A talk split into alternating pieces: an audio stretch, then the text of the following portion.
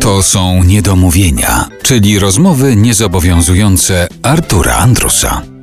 Wojciech Waglewski jest dzisiaj naszym gościem w Niedomówieniach w RMF Classic. Nawiązując do tej opowieści o tym, jak ludzie zaczęli reagować na utwór Się poruszam, że zaczęli się poruszać mm. i zaczęli tańczyć, chciałbym cię zapytać o to, czy twoim zdaniem piosenka ma moc? Czy piosenka może zmienić coś w życiu? Czy to jest tylko naiwna wiara autora piosenki, czy masz na przykład dowody takie na to, że jakieś utwory zmieniły, zmieniły ja, ja się nawet spotykam z takimi opiniami, że to w ogóle bez sensu, bo to, a zwłaszcza a propos tego tańca Nandi, że to równie dobrze można tam y, pisać, robić zamki na piasku i tak dalej. Niemniej to wystąpienie Nadi obejrzało już prawie 100 tysięcy ludzi, więc jednak jakaś siła tego przekazu mo, może, znaczy coś może do nich dotrzeć. Oczywiście można nic nie robić, to zawsze można, prawda? 50% populacji naszego pięknego kraju w ogóle się nie interesuje tym, co się dzieje w, w polityce naszej i, i, można tak sobie żyć, ale tak jak to się mówi w, w branży muzycznej, że można spróbować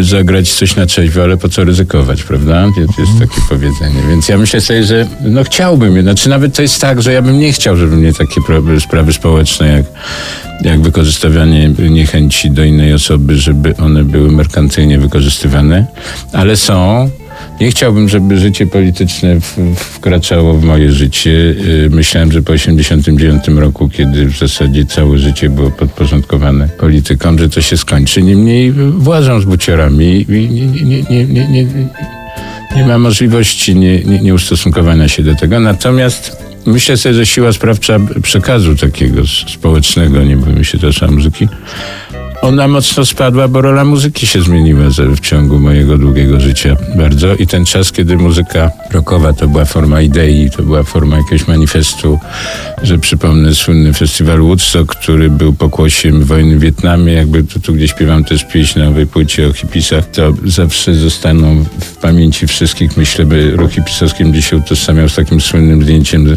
wtykania goździków w lufy kałasznikowów, czy tam nie, to nie kałasznikowa, to nie ta armia, ale w, w, lufy karabinów maszynowych. No i były to formy bardzo intensywnego protestu. Ten festiwal przyszedł do historii jako taki manifest antywojenny, że nie wspomnę o Marleju, który doprowadził do koncertu, na którym podali sobie ręce politycy z totalnej opozycji i z PiSu. No, u nas to pewnie do czegoś takiego nie dojdzie. Ale wtedy inna była skuteczność muzyki, inny charakter. W tej chwili muzyka ma raczej charakter rozrywkowy. Ludność młoda, zwłaszcza przez cały rok pracuje w pocie czoła w korporacjach, a potem się spotyka na jakichś tam festiwalach, gdzie przez trzy dni od 17 do 5 rano nabija swoje dusze i umysły łomotem, gdyż po dwóch godzinach percepcja się w zasadzie kończy i myślę, że doznań, o doznaniach muzycznych trudno mówić. Więc to już nie jest taki element myślę sobie o muzyce rockowej. W ogóle mało jest muzyki rockowej w przestrzeni, ale to nie jest element taki porządkujący życie,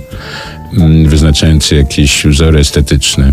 Mówmy się, że to nie będzie tak, że po wysłuchaniu owej płyty nagle cały naród wyjdzie na ulicę, na przykład tańczyć 4 czerwca, a nie e, robić jakieś smutne, nie wiadomo z jakiego powodu przedstawienia. Powiedziałeś przed chwilą, że 50% społeczeństwa nie interesuje się tym, co się mhm. dzieje w naszym kraju. To mi się teraz przypomniała taka wiadomość z pisma, wymyślonego pisma, Nowy mhm. Pompon. Oni mhm. tam informowali o tym, że 50% Polaków nie zdaje sobie sprawy z tego, że stanowi połowę społeczeństwa. Także to, to jest, to... no to tak, to prawda. A wyszło im z badań, że 96% Polaków z niczego sobie nie zdaje nie sprawy. sprawy. Tak mogłoby być. No, ale a, nie, nie, nie, nie, będę brnął dalej tą drogą, bo wiele dowodów jest przestrzeni, zwłaszcza w sieci, które mogłyby potwierdzać ową tezę, niestety.